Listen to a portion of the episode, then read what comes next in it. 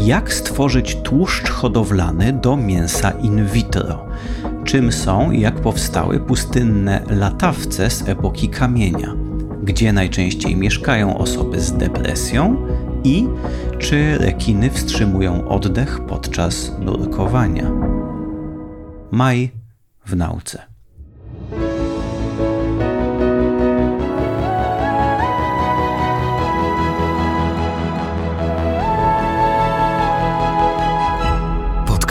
Tygodnika Powszechnego. Weź, słuchaj.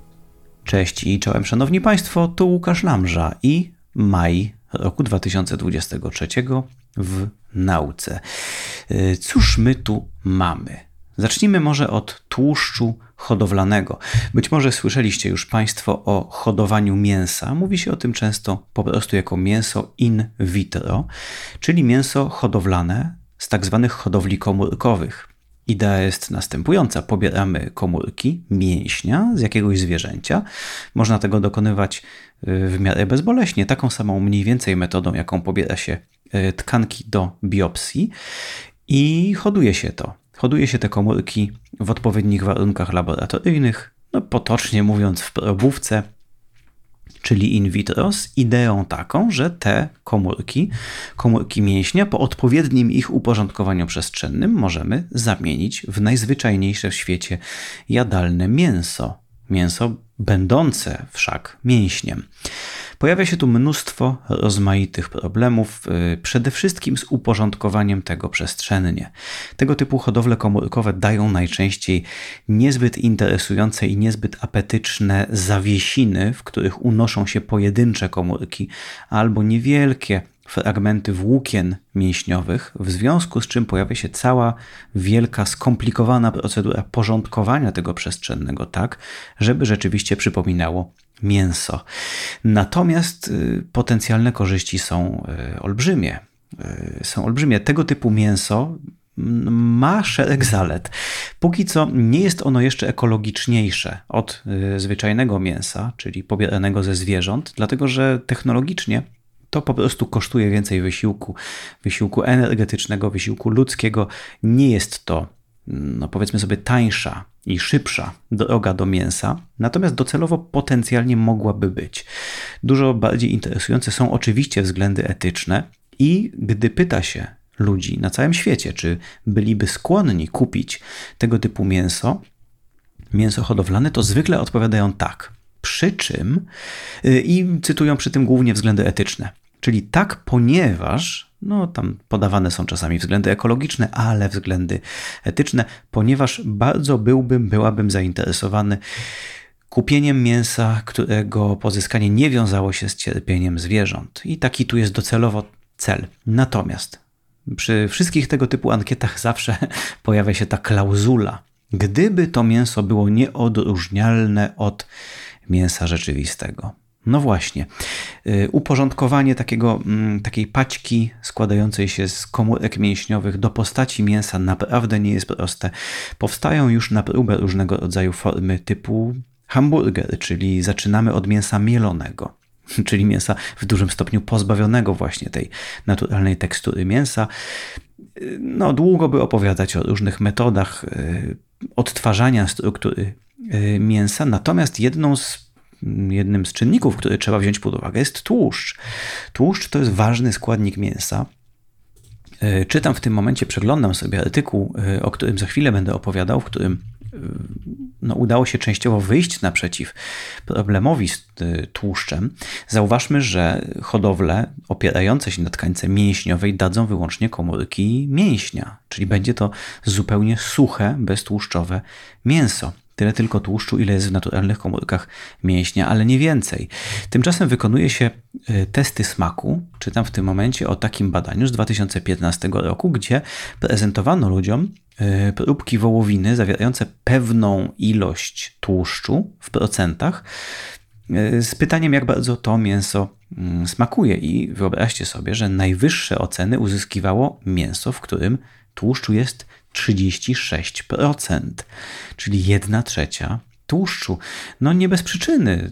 Każdy, kto się kiedykolwiek bawił w gotowanie, ten wie doskonale, że podczas gotowania bardzo wiele składników aromatycznych odpowiadających za e, za smak, za aromat potrawy przechowuje się niejako w tłuszczu. To są technicznie, byśmy powiedzieli, choćby związki rozpuszczalne w tłuszczu. No, pewne rzeczy się rozpuszczają w wodzie, inne w tłuszczu. Krótko mówiąc, no jest wiele przyczyn od chemicznych aż po kulinarne, dla których to yy, samo to mięso składające się z komórek mięśniowych jest niesatysfakcjonujące. No więc tłuszcz. Cóż tutaj? No tu jest i, i, i łatwiej, i trudniej. Hmm, czytam już teraz sam ten artykuł. Plan był taki, żeby wyhodować troszkę y, tkanki tłuszczowej rozpoczęto od y, tłuszczu mysiego, no bo to jest biotechnologia, więc zawsze lub prawie zawsze zaczynamy od gryzoni.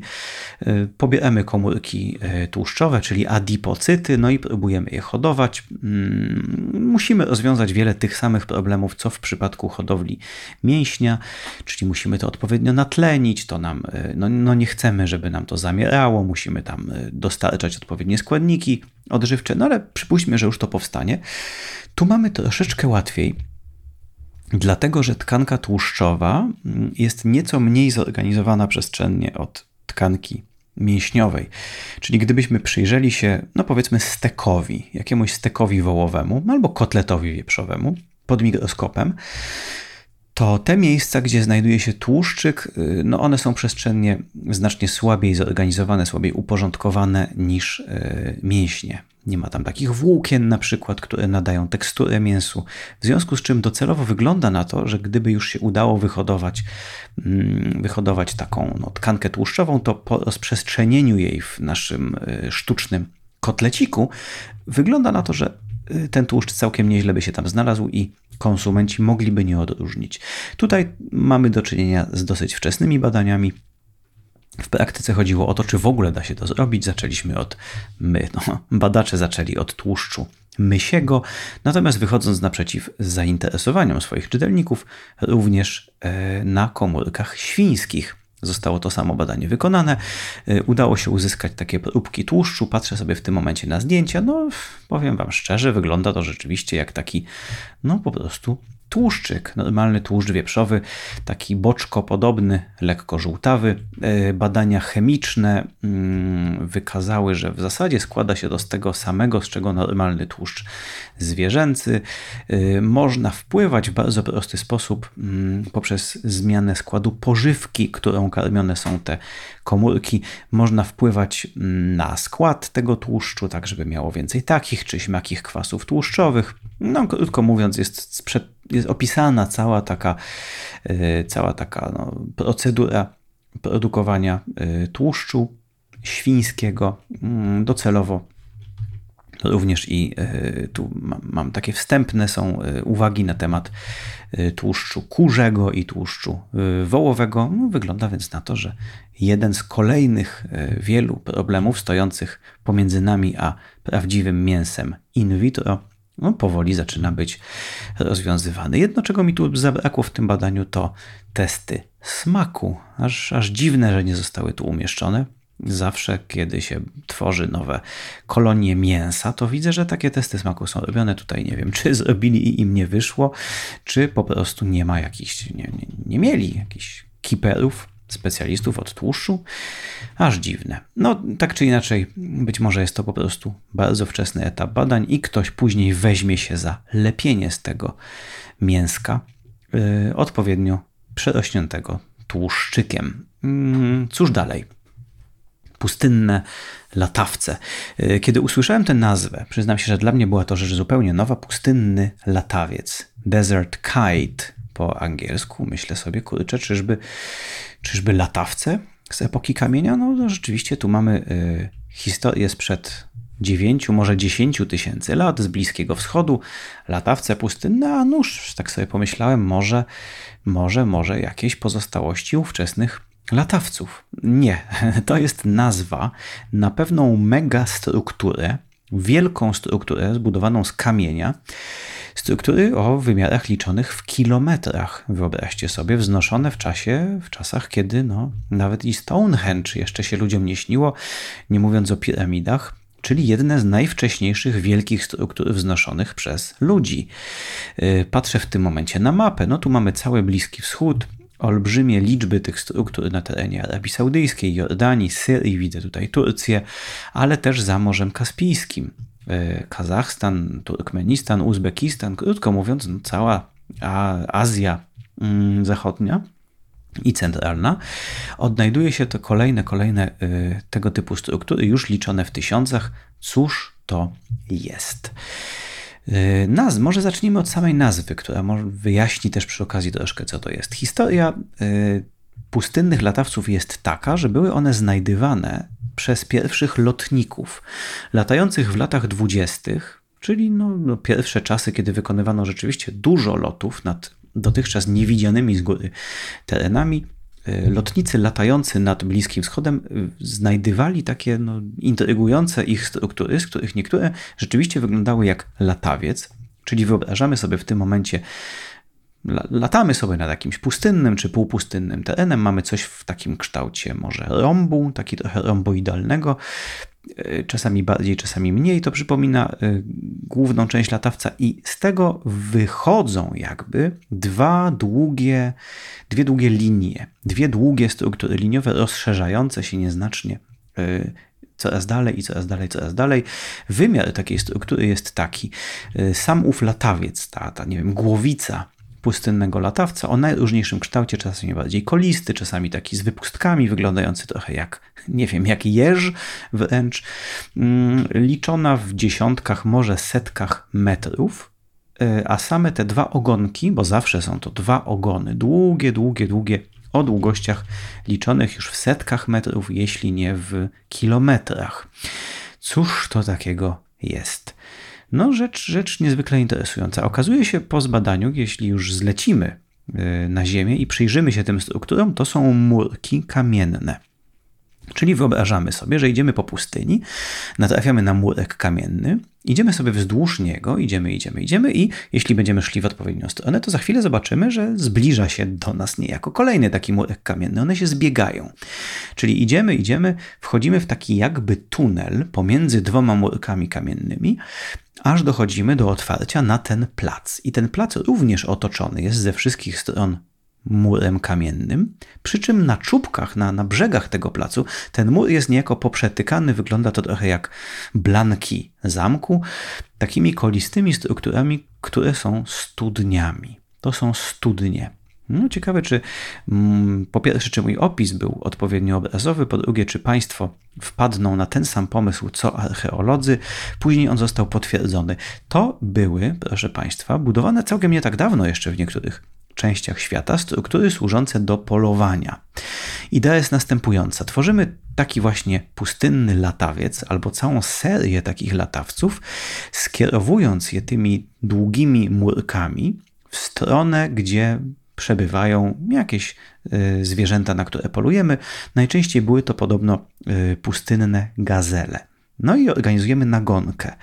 Naganiamy te nasze gazele, to nasze stado gazeli w stronę tych murków, tak żeby wbiegły pomiędzy te dwa ramiona. I naganiamy, naganiamy. Gazele uciekają przed nami i natrafiają na któryś z tych murków. I one najwyraźniej musiały być pierwotnie przynajmniej na tyle duże, że gazele nie chciały przez nie przeskakiwać. Nie wiadomo, czy były aż tak duże, że, że nie mogły przez nie przeskakiwać, co by wymagało naprawdę gigantycznych struktur. Tak czy inaczej, wydaje się i, i autorom tych badań, yy, wydaje się, że yy, przetestowali to wręcz w jakichś warunkach, bo tak, tak sugeruje yy, ten artykuł.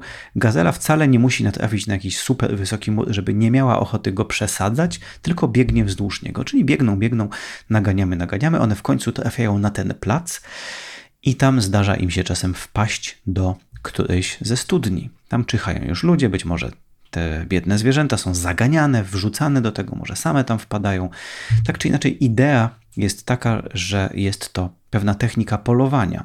E, naganiamy zwierzęta do pułapki, wpadają, później są tam zabijane i zjadane. W niektórych pustynnych latawcach znajdywano na dnie tych e, studni kości zwierząt, być może same tam, e, nawet nie naganiane, czasami te zwierzęta wpadały. No i tak y, było, jest to wiadome już od jakiegoś czasu. Od lat 20. były zgłaszane te struktury i mm, archeolodzy y, hipotetyzowali na ich temat. Natomiast dlaczego nowy artykuł naukowy? I to rzeczywiście no, nowiutka rzecz y, z 17 maja 2023 roku. Zostały odkryte w pobliżu dwóch takich pustynnych latawców, zostały odkryte bloki kamienne, na których wykuto zarys tychże latawców. Czyli mamy do czynienia z y, dwoma takimi wykutymi w skale rysunkami przedstawiającymi plan tych latawców. Patrzę w tym momencie na jeden z nich, no to jest blok kamienny wysokości około metra. Tak mniej więcej widzę, że prostopadłościenny może ma gdzieś 20 na 40 cm y, szerokości, taki, taki blok. Autorzy piszą, że ważył około 100 kg mniej więcej. No po postawieniu y, rzeczywiście wykute są na nim kształty. Gdyby ktoś nie widział takiego pustynnego latawca, mógłby się zastanawiać, cóż to za ciekawy, dziwny kształt. Natomiast gdy zestawi się to z tymi okolicznymi, znalezionymi przez archeologów strukturami, no, no nie ma innej yy, drogi. No, trzeba się zgodzić na to, że jest to reprezentacja takiego właśnie pustynnego latawca, a czy właściwie jego głowicy, z zaznaczonymi tam bardzo wyraźnie studniami, no, kształt został otworzony, y, odtworzony całkiem nieźle, więc y, to nowe odkrycie, o którym mówimy, to nie są same owe latawce, co raczej plan. Jeden i później y, w niedalekiej odległości w Jordanii znaleziono też drugi, wykuty w innym miejscu, krótko mówiąc, plany. Plany. I to jest nowe, chciałoby się powiedzieć, i to jest świeże, dlatego że wszelkie plany konstrukcyjne to jest rzecz dla archeologów niezwykle interesująca. Same te mega pułapki, te mega struktury oczywiście są interesujące, no bo dają nam wgląd w strukturę społeczną w tym czasie, w to, że nasi przodkowie sprzed wielu tysięcy lat byli w stanie tworzyć naprawdę wielkie, wielkie struktury wymagające yy, współpracy, myślenia abstrakcyjnego, planowania. Natomiast plany no to jest już rzecz y, zupełnie inna, jeszcze poważniejsza, chciałoby się powiedzieć. Wiemy, że mm, wiele struktur, które później budowano, imponujących, wymagało y, bardzo zaawansowanego planowania. Piramid w Egipcie choćby na pewno nie dałoby się wykonywać, gdyby nie towarzyszyły temu jakieś takie czy inne plany. Natomiast 9 tysięcy lat temu wykute w kamieniu plany, i tu, tu jest więcej pytań niż odpowiedzi. Choćby takie, czy rzeczywiście był to plan, plan y, konstrukcyjny stosowany w trakcie wznoszenia takiej struktury, czy też później to wykuto. Do czego służył? No nie jest to narysowane kredą na skalę, to jest wykute, czyli tworzenie tego przedstawienia musiało też zająć trochę czasu, trochę wysiłku. Po co? jaką to funkcję pełniło, czy w czasie budowania tego na przykład. Y, ten, ta stela, ten taki słup skalisty, który znaleziono przy jednym z takich latawców pustynnych, no, znajdował się, patrzę na mapkę w tym momencie, no powiedzmy sobie no, no pół kilometra mniej więcej od głowy jednego z tych latawców, czyli nie bezpośrednio przy nim, ale w jakiejś odległości, a więc nie wiadomo, czy tam zbierali się na przykład ludzie w trakcie budowy tej struktury. Przecież musiało to zająć naprawdę wiele czasu. E, wznoszenie wielokilometrowej długości murków z kamieni, mm, czy później być może służyło to do, bo ja wiem, podziału ról. Jaki cel mieli ludzie, którzy postanowili coś takiego w kamieniu wykuć? E, no i druga bardzo ważna obserwacja, i to o tym w zasadzie głównie piszą autorzy tego e, artykułu, to sam fakt, że mówi to nam wiele bardzo o zdolności do wyobrażania sobie tych ludzi. Jest to bądź co bądź niebagatelne wyzwanie nanieść na y, niewielkim kamieniu, na czymś wielkości kilkudziesięciu centymetrów, plan i to całkiem niezły, y, całkiem wiarygodny, całkiem y, o właściwych proporcjach plan czegoś, co ma setki metrów długości. Wczujcie się w klimat. Wyobraźcie sobie, że wędrujecie po pustyni i macie z kamienia takie murki po e, rozstawiane. No, z punktu widzenia spacerowicza naziemnego nie jest wcale oczywiste, jak narysować plan czegoś takiego. Gdybyśmy my dostali takie zadanie, żeby odrysować niejako plan struktury, która ma, no powiedzmy sobie, 150-200 metrów średnicy, ma niebanalny, krzywoliniowy kształt, no to być może nie byłoby to wcale tak oczywiste, jak się do tego zabrać. Na oko mniej więcej wiadomo, jaki ten kształt miałby być, ale tak, żeby go dokładnie narysować, wymaga to pewnej umiejętności myślenia abstrakcyjnego. W ogóle narysowanie mapy jako takiej, czy też planu jako takiego, no, wydaje się, yy, wymaga od nas zdolności do bardzo abstrakcyjnego myślenia, do wyobrażania sobie tego czegoś widzianego z lotu ptaka.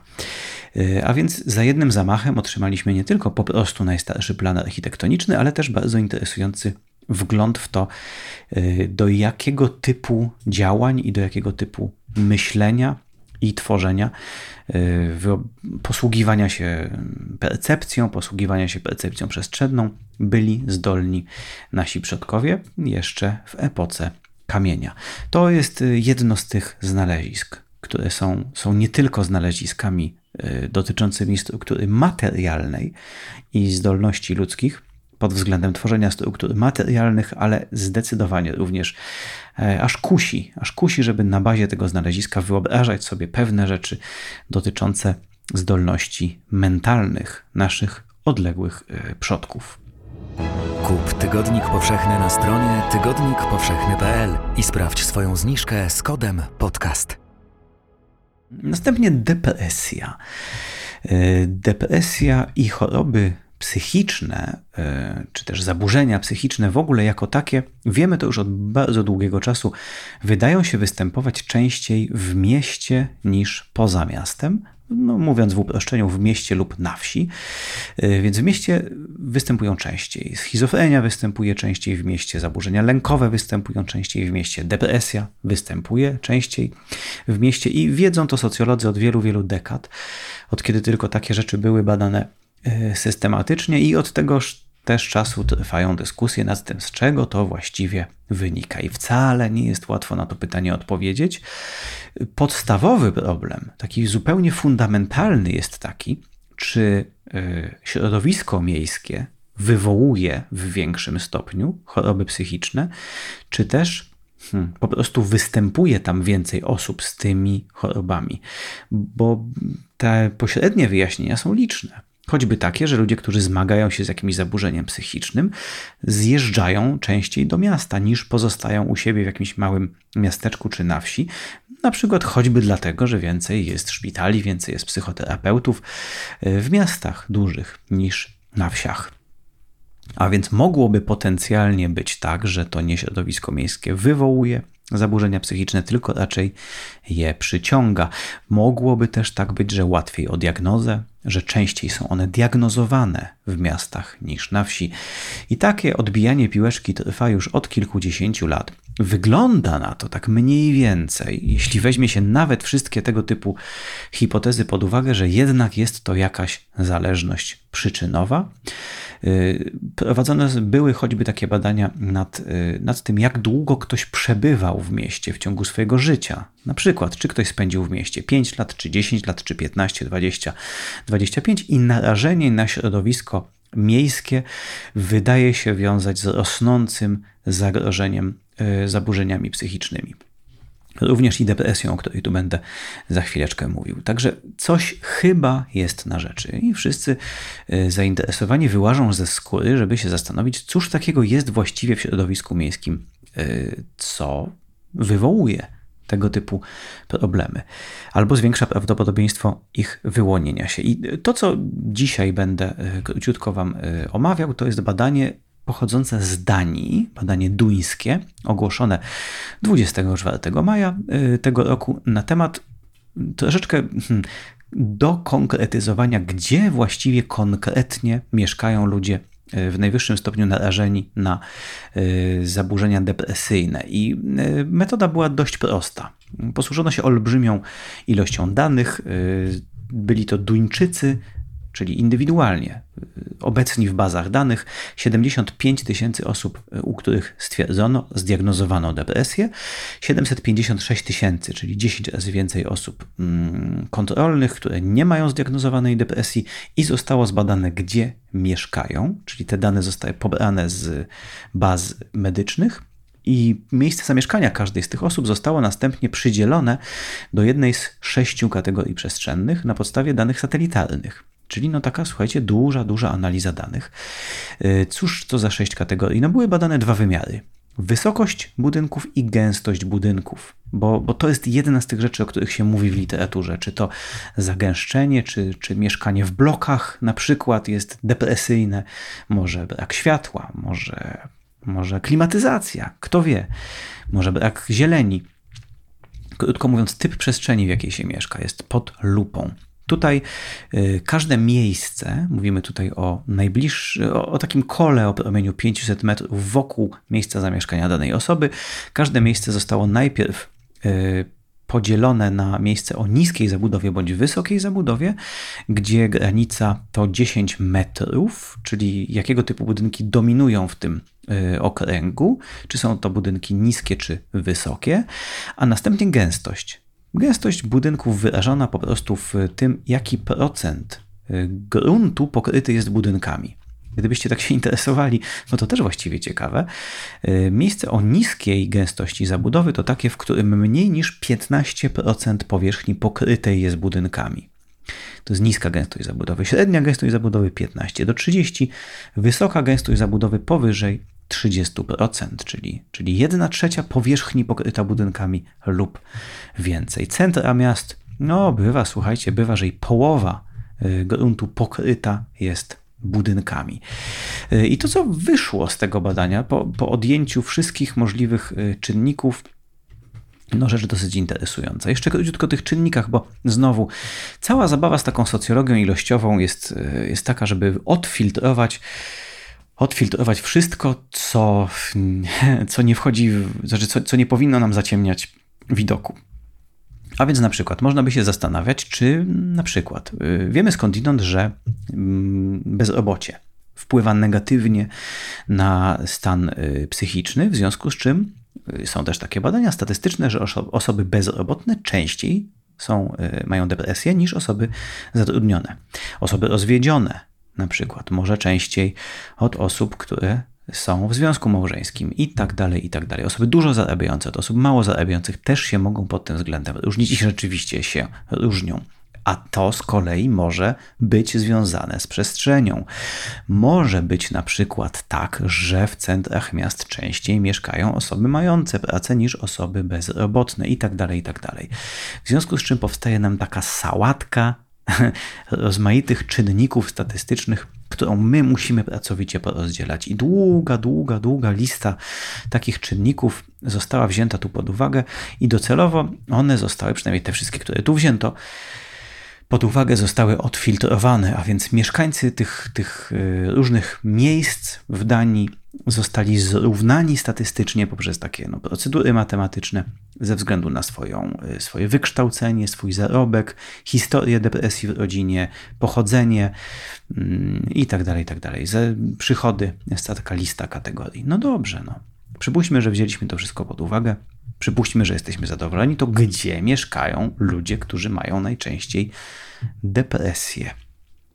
I co ciekawe, wyszedł taki ciekawy efekt. To znaczy, potwierdziło się coś, co już wiadomo od lat, mianowicie to, że y, najmniej przypadków depresji jest w tych miejscach z najniższą gęstością zabudowy.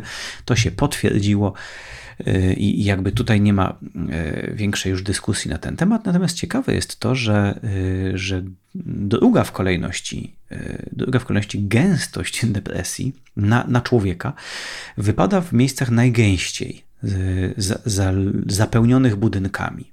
E, a najwyższy poziom depresji występuje w miejscach pośrednich. E, nie ma to też, co ciekawe, związku z wysokością budynków, czyli tak samo gęsto ułożone budynki bardzo niskie i bardzo wysokie będą w równym stopniu skłaniały do depresji, czy łagodniej współwystępowały z depresją. A więc konkretnie, przypuśćmy, że mamy osiedle. Osiedle z wysokimi budynkami, nie wiem, 5, 6, 7 piętrowymi. I te budynki zajmują, no powiedzmy sobie, 10-15% powierzchni, czyli mamy dosyć dużo terenów zielonych, place jakieś, y, drzewka i takie inne rzeczy. wygląda na to, że sam fakt, że te budynki są 6-7 piętrowe nie wpływa na częstość występowania tam, tam depresji, czyli gdybyśmy jednopiętrowe budynki tak samo gęsto rozmieścili w przestrzeni, to częstość występowania tam depresji byłaby taka sama. Tym kluczowym aspektem jest gęstość zabudowy, przy czym najgorsza niejako jest gęstość pośrednia. I tu już autorzy siedli do y, bliższej analizy, próbowali jakby tak, tak no, namierzyć oczy swojego lasera na to, jakiego typu miejsca konkretnie na terenie Danii mm, wydają się wiązać z najwyższym ryzykiem zachorowania na depresję i są to, słuchajcie, przedmieścia. Są to przedmieścia niskiej zabudowy, domów jednorodzinnych bądź bliźniaków, szeregowców, w każdym razie jedno-dwupiętrowych domów e, o dosyć mimo wszystko gęstej jak na takie warunki zabudowie, czyli nie są to tereny wiejskie, tereny, gdzie każdy ma do dyspozycji swój hektar, powiedzmy, a jeszcze obok jest las, tylko nie, nie, nie, mówimy tu o przedmieściach, czyli dom jednorodzinny, albo bliźniak, albo szeregowiec e, i działka 100-metrowa, 200-metrowa, 300-metrowa, tak, 400-metrowa, w każdym razie mimo wszystko niewielka. Dom przy domu, dom przy domu, dom przy domu. Patrzę w tym momencie na zdjęcie satelitarne takiego modelowego y, terenu, który oni zidentyfikowali jako y, mieszczący w sobie największy odsetek ludzi z depresją. To jest takie, to są typowe przedmieścia. Dosyć gęsta siatka ulic i przy każdej ulicy domek przy domku, domek przy domku, domek przy domku, trochę zieleni, trochę trawników, ale za płotem zaraz kolejny sąsiad i jego dom i kolejna ulica. Mm. No i tak, jeżeli chodzi o przyczyny tego stanu rzeczy, to autorzy nie piszą na ten temat zbyt wiele. To jest badanie takie, no, dostarczające danych socjologom. Y, nie ma tutaj zbyt wiele na temat tego, z czego właściwie mogłoby to wynikać. Na pewno później w oparciu o to badanie będą się e, publikować jakieś hipotezy. Przypuszczam, że wy sami słuchając w tym momencie mnie może macie coś ciekawego do powiedzenia na ten temat. To jest interesujące. Co tu właściwie mogłoby wchodzić w grę?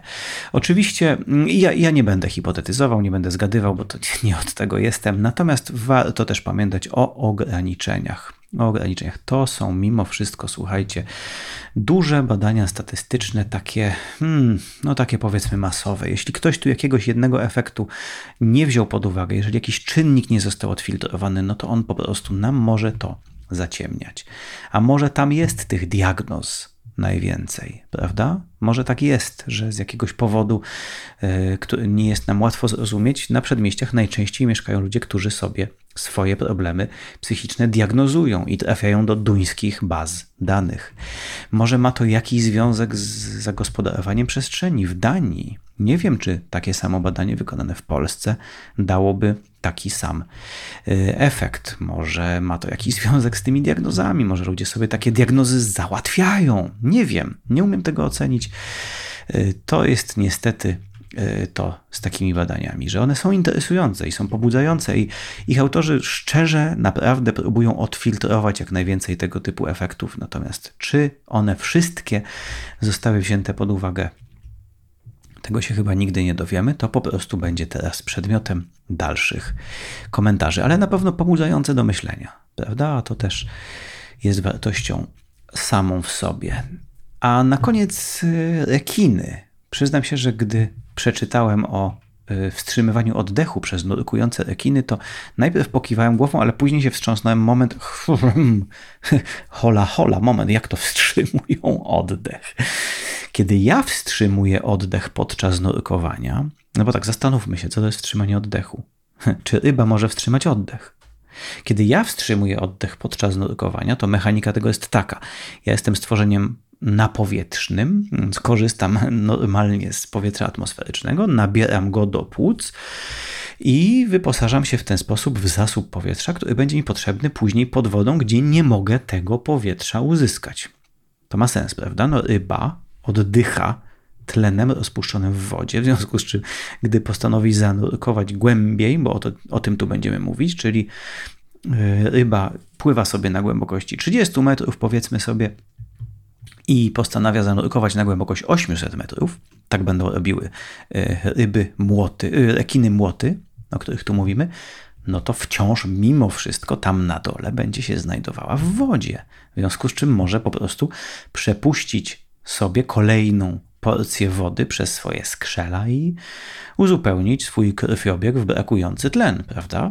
Ryba nie musi wstrzymywać oddechu, kiedy nurkuje. Wydawałoby się to chyba oczywiste, prawda? A otóż, otóż nie tym razem. Jak mówi klasyk. W tym przypadku całe to badanie zaczęło się od problemu termoregulacji.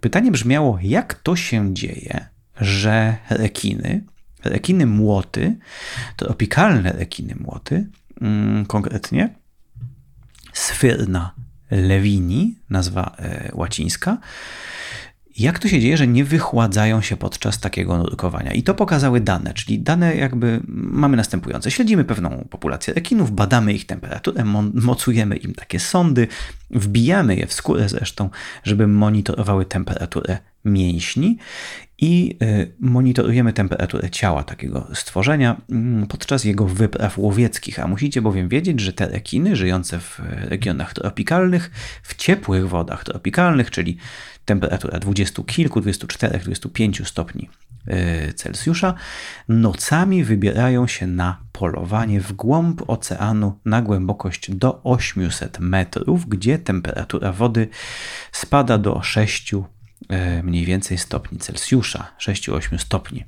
Patrzę sobie w tym momencie na taki wykres pokazujący temperaturę. No to musi być, słuchajcie, uch, aż się wzdragam. Czyli mamy cieplutkie wody na powierzchni mm, i nurkujemy, bo tam żyją ofiary tych rekinów, ryby, na które te rekiny polują i inne smakowite stworzonka. No więc spadł, czyli nurkuje, nurkuje, nurkuje. To jest szybkie nurkowanie, słuchajcie.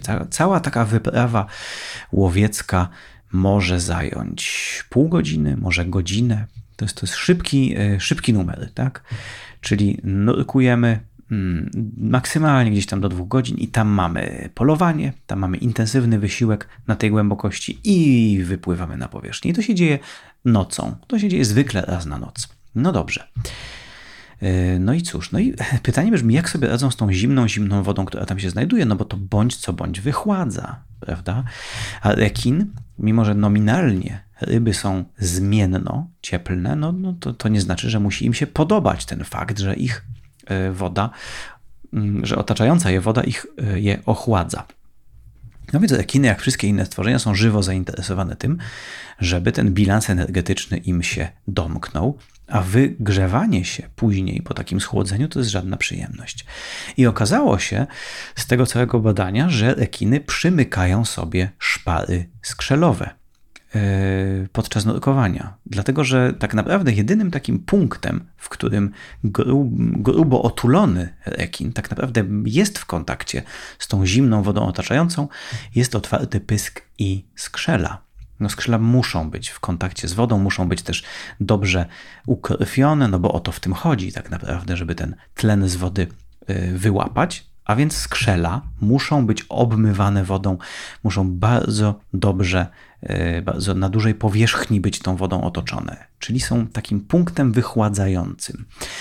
Rekiny, w związku z czym, jak się okazało, mm, spływają, spływają e, coraz głębiej, głębiej, głębiej i na pewnej głębokości, gdy woda zaczyna się robić zimna, zamykają. Zamykają szpary skrzelowe i nurkują w ten sposób na wstrzymanym oddechu. I tam polują, polują, pożerają co mają pożreć, wypływają i w pewnym momencie otwierają szpary skrzelowe i zaczynają uzupełniać e, swój organizm o ten tlen, którego im wcześniej brakowało. No i taka ciekawostka, czyli wszystko wynika tak naprawdę z temperatury. Nie, nie ma to żadnego związku pierwotnie z.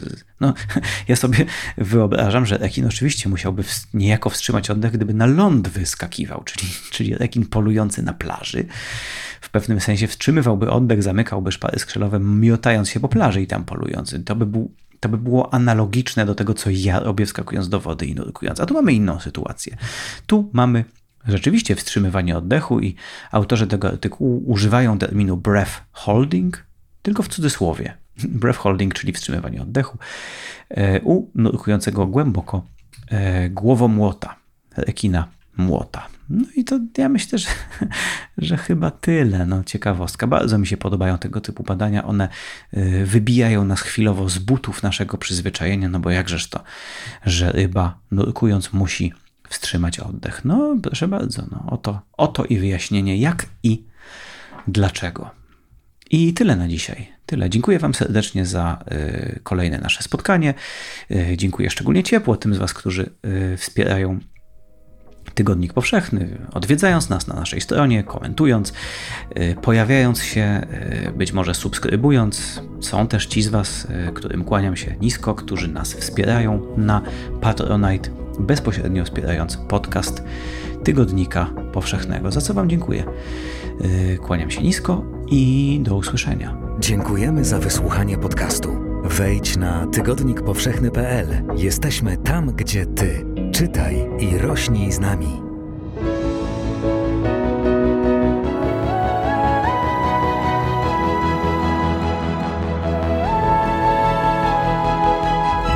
Podcast Tygodnika Powszechnego. Weź, słuchaj